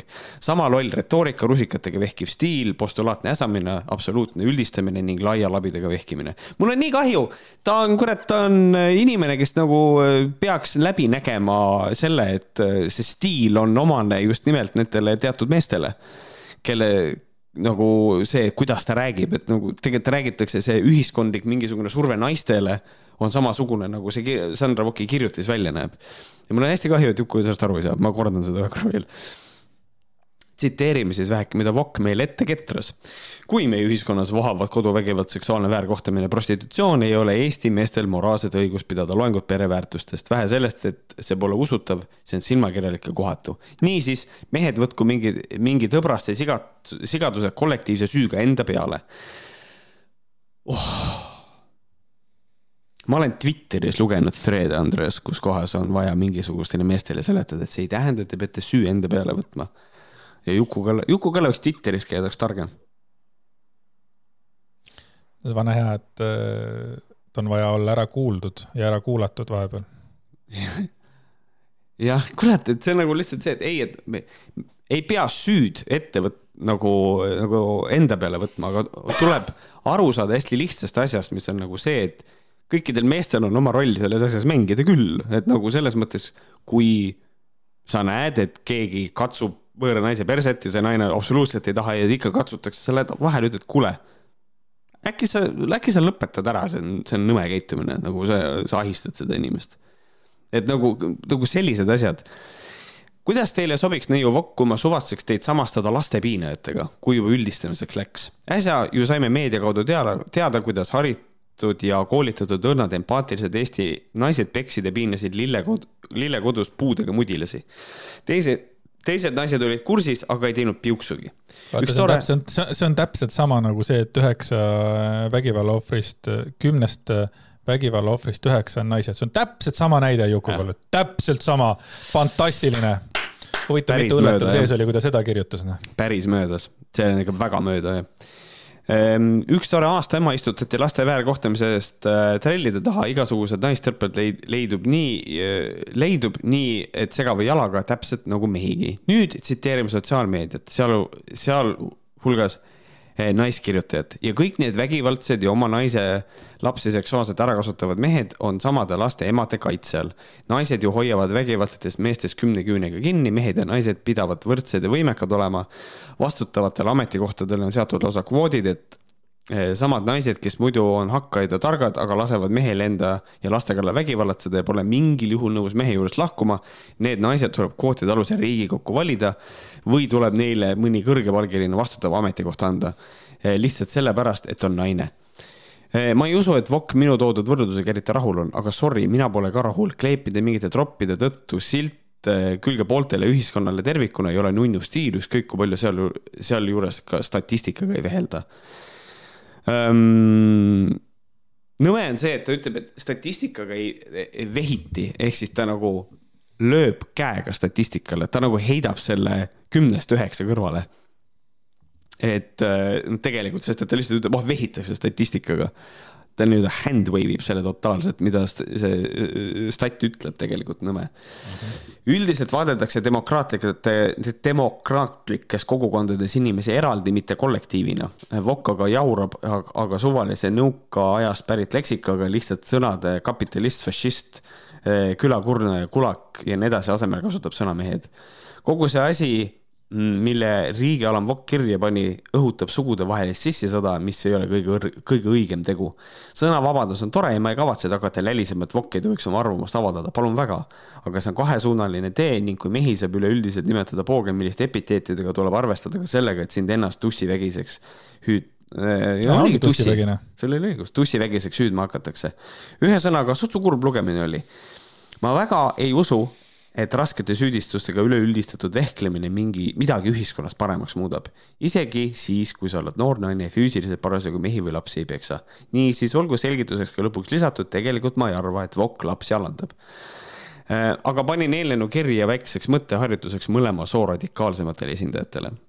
et ähm, oh, teeb veits kurvaks, ma eeldasin ikkagi natukene kõrgemat Ähm, kõrgemat lendu äh, Juku-Kallale nagu selle koha pealt. Äh, selles mõttes Juku-Kalle on muidu nagu tore mees, aga mul on nagu selline tunne, et ta on natukene kinni selles, kus ma olen ise ka kinni olnud, ma olin selles kinni kuskil ülikooli ajal ja natukene peale ülikooli, et mul oli selline küsimus, et miks meeste kohta võib öelda igasuguseid asju, aga naiste kohta ei tohi, aga kui ma näen statistikat ja näen seda, et koduvägivald on ähm, küll Maarja Punak ütleb ütles, et see protsent on kaheksakümmend ehk siis kümnest kaheksa, siin ütleb stat, et äh, kümnest üheksa. noh, potato, potato veits. kui ma nagu seda näen ja, ja siis ähm, noh, tegelikult ma ei tea, on, minu arust on okei okay öelda mehed mitte naisi peksvad mehed. Äh, et ma leian, et see on niisugune veider, äh, veider probleemide üles kiskuda Juku kallal. On tõesti Juku-Kalle, Juku-Kalle, jah, sind küll. kuradi need mehed küll, ma ütlen, tead. aga, aga kindlasti äh, nüüd räägime ühest asjast, mis on veits toredam, kuhu saavad mehed ja naised äh, koos minna ilma sissisõda pidamata ja süüdistamata, kes keda piinab või lööb. ja selleks on intuiit, proovin uuesti. intuitiivsete võimete lukskursus. Küsite mis see on? küsite, mis see... on, see on selline asi, et Märt äh, äh, töötas saadet läbi, ma lugesin selle asja läbi ja mõtlesin, et tere küll, Andres on astunud ämbrisse, see on ilmselge, see on ilmselgelt keegi on kirjutanud sarkastiliselt selle asja ja see ei ole päris. ja siis ma käisin Facebooki lehtedel, see, mis me nüüd loeme, on päris. Okei okay,, ma mõtlesin, kus sa jõuad seda, aga niisugune kasutaja nagu Häli Kalju on selle ürituse siia loonud ja nagu ma ütlesin, see nimi oli selline, nagu ta oli. nii, ja tekst on selline. kas oled valmis astuma metsikute kasside kuningriiki ja saama tuttavaks oma parima sõbraga, kelle nimi on Intuitsioon? võiks ju arvata, et seal on päriselt äh, hunnik metsikuid kasse, kelle kõikide nimeks on intuitsioon, intuitsioon. ja sa saad sealt ühe kassi endale ja temast saab sinu parim sõber. aga nagu see oleks armas, aga meil on veits kurb, et see kõikide kasside nimi on intuitsioon. mingisugune seal võiks olla. ints. intu. ints. intu üks, intu kaks. nii, äh, jätkab. olen loomas intuitiivsete võimete lukskursust Eestis, et aidata sul aktiveerida ja avastada sinus peituv erilisus ja unikaalsus. ma oleks võinud seda lugeda ka niimoodi, olen loomas loo, loo siin on, äh, ütleme selle ära ka, tegelikult ma neid emojisid äh, ikkagi ka kommenteeriks. intuiivsete võimete lukskursus ja siis seal on emoji on naise king, kass ja kroon. ehk siis ma saan vist ilmselt aru, et see on ainult naistele, ma eeldan sealt äh,. naistele. You need to have a pussy and you have to be a princess ja siis on kasutatud veel emojisid peale seda, kelle nimi on intuitsioon, kristallkuul, ükssarvik ja see erilisus ja unikaalsus on võti ja fucking vikerkaarelipp. erilisust äkki siis? ja Ilmselt... ongi unikaalsus on siis nagu vikerkaare, et see on nagu unikaalne. aga siis tea, võiks võib olla ikkagi ju ikkagi tegelikult äh, ikkagi noh, nii mehed kui naised sinna tegelikult teretulnud. nagu tea. mina alguses äh, kõvasti nagu välja hüüdsin. jah. et äh, ma ei tee sulle puust ja punaseks kõike ette, mida sa tegema pead, vaid ma juhatan sind ja näitan sulle kõikvõimalikkust, kuidas sa saad luua läbi, kuidas sa saad luua läbi sulle omase käekirja ja unikaalsuse ja mis sa mõtlesid? seal on haril, seal on harilik pliiats ja lipsuke. vot, aga ta ei tee sulle puust ja punaseks ette, et sa teeksid.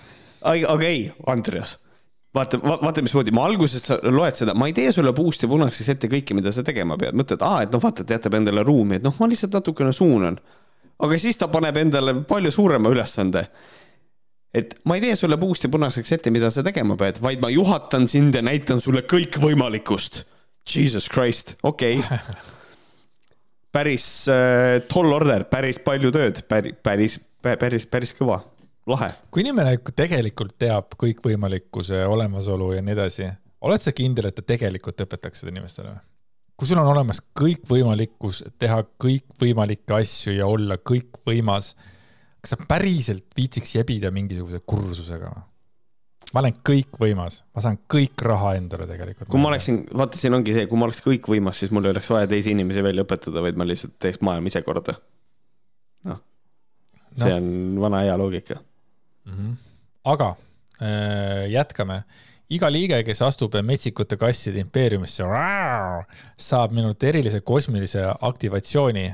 DNA ja leek ma ei tea, see aktivitatsioon, ta paneb su DNA põlema, I guess, ma ei tea. see on variant oota, näppude küljes on ka DNA või asjad, kas näpud ka põlevad seal või? ja kõik, kõik põleb. okei okay., ma kirjutan ümber vana 3D Matrixi või nagu äh, Janna Kurss ütleb, ma kirjutan ümber Matrix. vana 3D Matrixi koodid ja programmid, puhastan ja aktiveerin sinu jumalikku signatuuršablooni, et sinust saaksid avaneda metsiku kassikoodid, kus on peidus sinu tegelik jumalik potentsiaal. kristallkuul ja rulluisk. no nii. täiesti random emotsid oh. ja, ja mida me hakkame saama selles metsikute kasside kuning. ja ole, ole hea, nii äh, kõikide asjade ette pandud teemant äh, nagu bullet punktina äh, ja nüüd ole hea, hakkame siis algusest minema Andres, mida sealt võib, äh, ma ajasin kohvi ümber. Äh, okei, ma mõtlesin seda, ma, ma kuulsin neid hääli korra. ma lihtsalt ajasin täiega kohvi ümber. mida me siis sealt hakkame saama, Andres? kuule, mul on siukse nagu väga tähtis, oluline küsimus, vaata. nüüd noh, isiklik küsimus, et kas see nagu jääbki nii, et kui vahetad pojal mähkmeid, kuseb igale poole või? Nagu igale poole ja kui ta teeb selle ühe ralli ära, ma iga kord ehmatan seda, kui, kui ta hakkab äh, pissima. ja siis. see ongi nii, jah. okei okay, uh,, ehmatan ära, et okei okay,, puhastan ära, okei okay,, nüüd on aeg mäku alla panna. ja, ja ta suudab, kuidagi on nagu teises poosis ja nüüd ta kuseb järgmise nurga kõik täis. nagu ja, ja ta on nagu no,, ta on selili ja ta on mähkimislaua peal ja see on ebareaalne. ma ei teadnud seda see ja see on täiesti normaalne ja kusjuures sellega on niimoodi, see on muidugi väga huvitav äh, väikene äh, teemavahetus, aga see on. see oli kohvi pealeajamise pärast tuli mul see meelde. jah, et sellega, sellega on selline asi ka veel. kas sul on laps sihukest asja ka teinud juba? kui ta võib-olla teeb, sa vahet-, ta on püksi sittunud, sa vahetad ta mähkme ära, paned mähkme, teipmähkme kinni, siis ta situb uuesti ja, ja, ja, ja. ja siis sa mõtled, fuck raisk. Ja siis mm, -hmm. ja siis sa vahetad ta mähkme ära, siis ta situb uuesti. Okei okay,, minul ei ole kolme olnud, aga Lempsil vist on. Lempsil vist on, okei. Okay., minul oli niimoodi öösel, vabandust, öösel, mingi, mingi kell neli, megaunine ja siis laps lihtsalt constantly shitting, fuck jälle pesema, jälle pesema, räme, räme ei no see on ikka ebareaalne, kuidas sellise kaarega lihtsalt läheb nagu holy shit nagu no nii ja, kaugele, ma isegi ei teadnud, et mehed nii kaugele saavad kuseda, not all men, aga et selles mõttes nagu ja, ei, ebareaalne. ei, vägev. Anyway, äh, räägime siis asjadest äh, ümber kirjutatud 3D Matrixi koodidest ja programmidest, nii. igal pool siis on see kristallimärk Jah. ja, ja hakkab pihta. selgelt nägemine ja selle erinevad vormid. Okei okay,, nii. tundub legit tegelikult. tundub legit, okei okay. mm. -hmm. selgelt tunnetamine ja tajumine. okei okay. okay.. noh, mina arvan, et see on selgelt nägemise üks vorm, aga noh, okei okay jah, kui sa selgelt tajud, siis see on tegelikult sama selgelt näge-, aga nüüd me räägime ikkagi nagu puudutustest, selgelt tunnetamine või kas tunnetamine on puudutamine või see on lihtsalt tunnetamine. see on nagu see, see, see äh, nõiasaade, vaata, kus pannakse seal äh, autosse, vaata need inimesed sinna pagasnikusse ja siis. ja, ja. ma tunnen mingit energiat, sittagi sa ei tunne, no keri perse, see on lihtsalt see End, seda, seda nimetatakse oletamiseks, see ei ole midagi erilist Boom, just, aga selgelt tunnetamine ja tajumine oli siis number kaks. number kolm, selgelt kuulmine. Ma ütleks, et selgelt nägemise üks vorm, mis oli esimeses punktis, aga okei okay. okei okay,, mina mõtlesin, et see on lihtsalt nagu hea kõrvakuulmisega inimese üks komponente, sest ja, ja. ma kuulen üsna selgelt. noh, number neli, selgelt teadmine. kas sa arvad, et ka see on selgelt nägemise äh, üks vorme või? ma arvan küll, jah mina arvan, et see on gramm edasi ja sellepärast, et selgelt nägemine on see, et sa näed midagi selgelt, aga nüüd ma tean seda, ma fucking tean. aga see, aga jah, tegelikult ütlen ausalt, see ei ole vorm jah, sest et see on midagi edasi, selgelt teadmine on next level. et mis on ka probleem, sest et kui ta selgelt teadmist ära õpetab, siis pole selgelt nägemist enam vaja, sest et siis sa ei näe enam selgelt, siis sa juba tead. ehk ja. siis jah, siin on väikene ja. error, jah mm. -hmm aga üks väga cool asi on näiteks selgelt maitsmine ja, ma, mõtlen, ma jälle mõtlen seda, et kuidas see, kuidas, mis see selgelt vastand on siis? ma saan aru, et ebaselgelt, aga kas tal on ka mingi ägedam sõna nagu või? sitasti et kuidas see sitasti maitsmine, maitsmine siis on? jah, et, et aga, aga, aga see on tore, et on inimene, kes nagu tõsimeeli kirjutab, et on olemas selgelt nägemine siis on olemas selgelt maitsmine mis noh, mina ütleks, et see on selgelt nägemise üks äh, vorm, aga noh, mis sest ikka rääkida, esimeses punktis lubas ära rääkida, aga no mis seal ikka. aga mõtle, kui tüütu, sa tellid endale prae ja enne kui see lauda tuuakse, sa juba tead, kuidas see maitseb. mis mõte sellel on? Where's the fun in life? Tal on üldse see jama, et esiteks ta teab, ta juba, ta, ta on nagu, ta isegi kuuleb, ma kujutan ette, kuidas mm -hmm. maitseb. vaata, see on, vaata see selgelt maitsmine, see on asi, millega võib-olla need selgeltnägijad üksteist nagu kiusavad. Äh, et äh, vaata nagu on, et kui sa ütled inimesele, et alates sellest hetkest oled sa teadlik sellest, et sa hingad ja siis sa saad aru, ah oh, okei okay,, nüüd ma pean jah, nüüd ma hingan sisse, nüüd ma hingan välja, nüüd ma mõtlen selle peale. aga siis selgeltnägijatel on see, et ütled, Anu sitt, aa, mine, ma ju maitsen, aa see on nagu lihtsalt midagi sellist. jaa, päris rets tegelikult. Äh,. aga see ei lähe paremaks, järgmine on selgelt haistmine. täpselt sama asi. Et..., Anu, koera perse, ole vait! Tere, ma ei saa seda ninast, seda rõhna nii pea nüüd ära, kuradi Anu raisk! Räme. nii. Äh, järgmine on energiaväljade lugemine. see on juba. ja see on juba midagi muud. ja see on juba midagi, see on tore. et äh, on olemas. tegelikult energiaväljasid mõõdetakse küll, aga, aga noh, ma, nad teevadki teistmoodi neid asju. jah, sest see on ikkagi, äh, mis see oli, metsiku kassi kuningriik. nii. loomulikult vana hea intuitiivne kehaskaneerimine nagu ilma selleta, ma arvan, ma isegi ei läheks sinna äh,. kuidas kanaldada kosmilist tervendavat äh, energiat? vot. siis lähen äh,, mis selle nimi oli, kanaldaja kurat, äh, ma läheksin kuskile mingisuguse äh, Aleksis Varnumi juurde, las ta kanaldab mulle. Davai. Äh, jah, aga kui sa tahad midagi põnevamat, siis mine ikkagi metsikute kasside kuningriiki kus tehakse selle kanaldusasju ka. nii, jätkame siis. multidimensionaalne kaugtervendamine.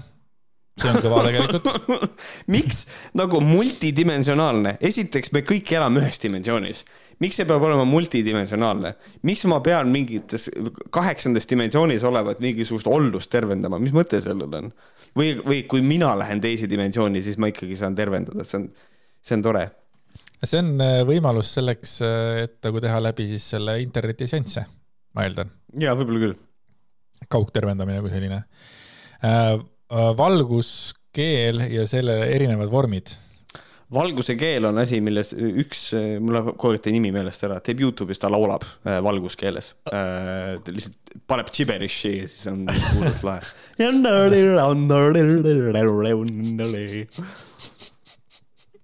See ei ole isegi nali, keegi päriselt teeb seda. ei, ei, sa tegid seda väga hästi. ma naersin sinu selle peale, mitte selle peale, mis sa rääkisid sa laulsid väga naljakalt. see on nagu see, valguskeeles räägivad kõik, väga paljud inimesed, eriti kui nad on sitaks palju joonud.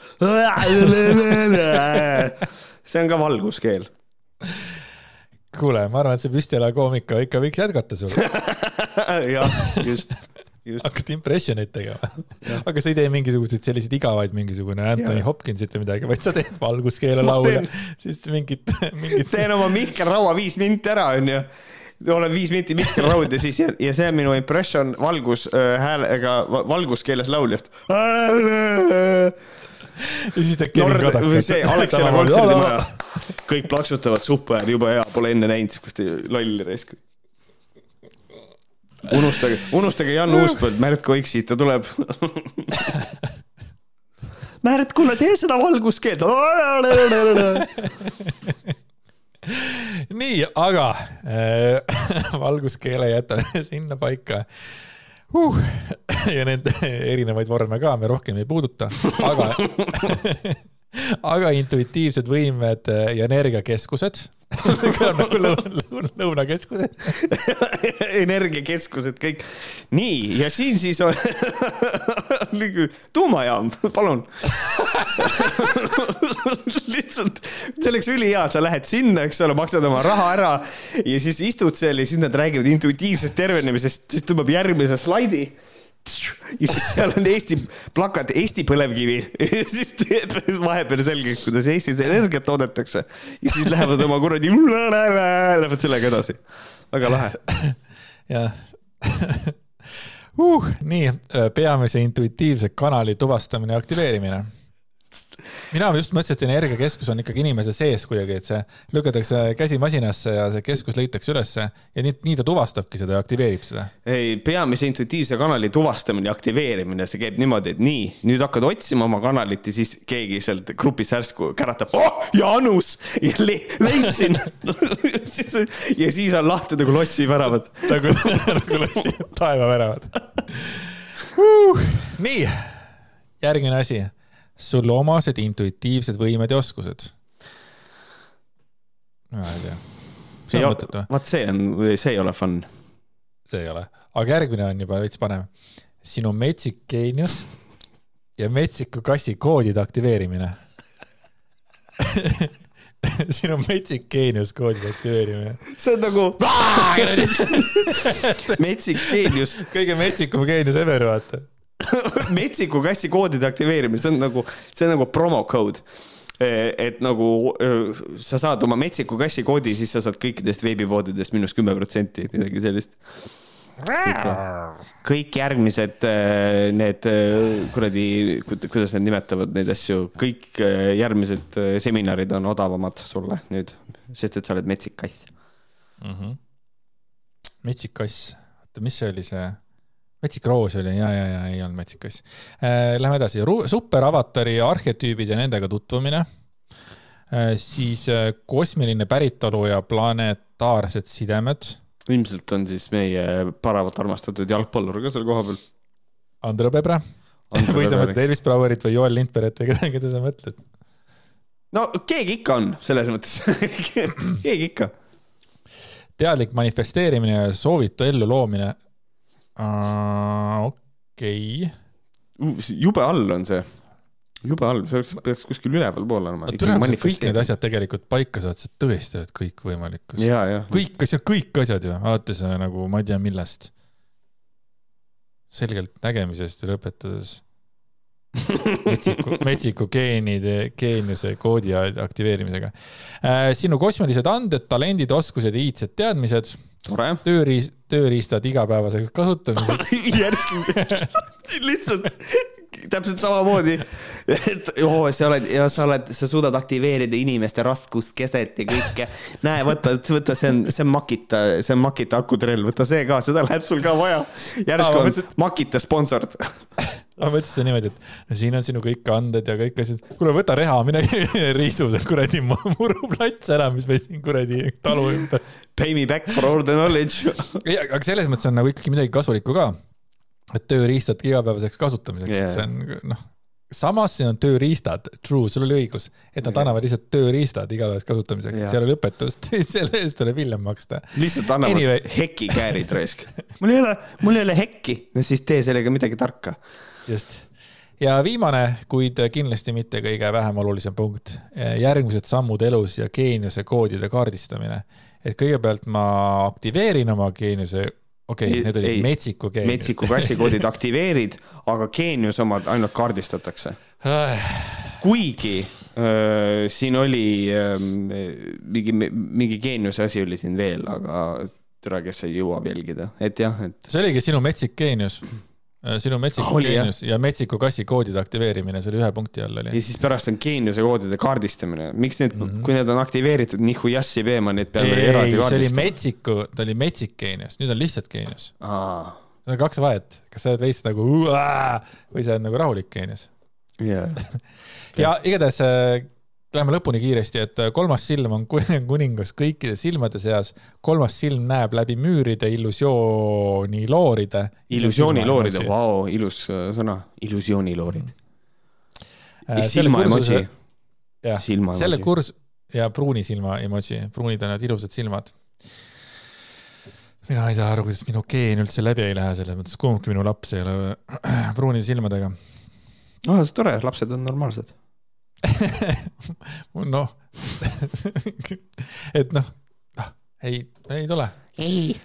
minu pruun silm sureb koos minuga kunagi. siis äh, aga..., aga see on ettekäänne uuesti proovida, uuesti ja uuesti ja uuesti, selles mõttes. niikaua, kuni tuleb see pruun silm yeah.. Mm -hmm. see on väga oluline muidugi äh, ja selle kursuse jooksul aktiveeruvad sinus metsiku kassi koodid. ja sellest oli ka juttu ja siis on võlukepike ja võtme emoji ja sinust saab metsik kass, kes kõnnib oma teed, tundes lõhna oma järgmises sammus. Jesus Christ. talle puudub hirm eksida, sest temas valitseb täielik usaldus. mitte teadmine, aga usaldus. ühesõnaga, tore. tundes lõhna oma järgmises sammus, see kõlab kuidagi nii valesti, aga ma isegi ei oska näppu peale panna, mis siin valesti on aga lisainfo saabumiseks kirjuta mulle postkasti, kirjutas. mulle on kirjutatud, mulle on kirjutatud suure tähega, et Ikka? üldiselt on niimoodi, et viisakusest kirjutatakse minu nagu sina ja teie suure tähega. ta kirjutas mulle suure tähega. Või äh, mulle on äh, nagu Malle, aga U-tähega ja siis keegi mulle on tal äh, nagu noh, kes asju ajab, siis kirjuta äh,, kirjuta mulle. postkasti, kirjuta mulle postkasti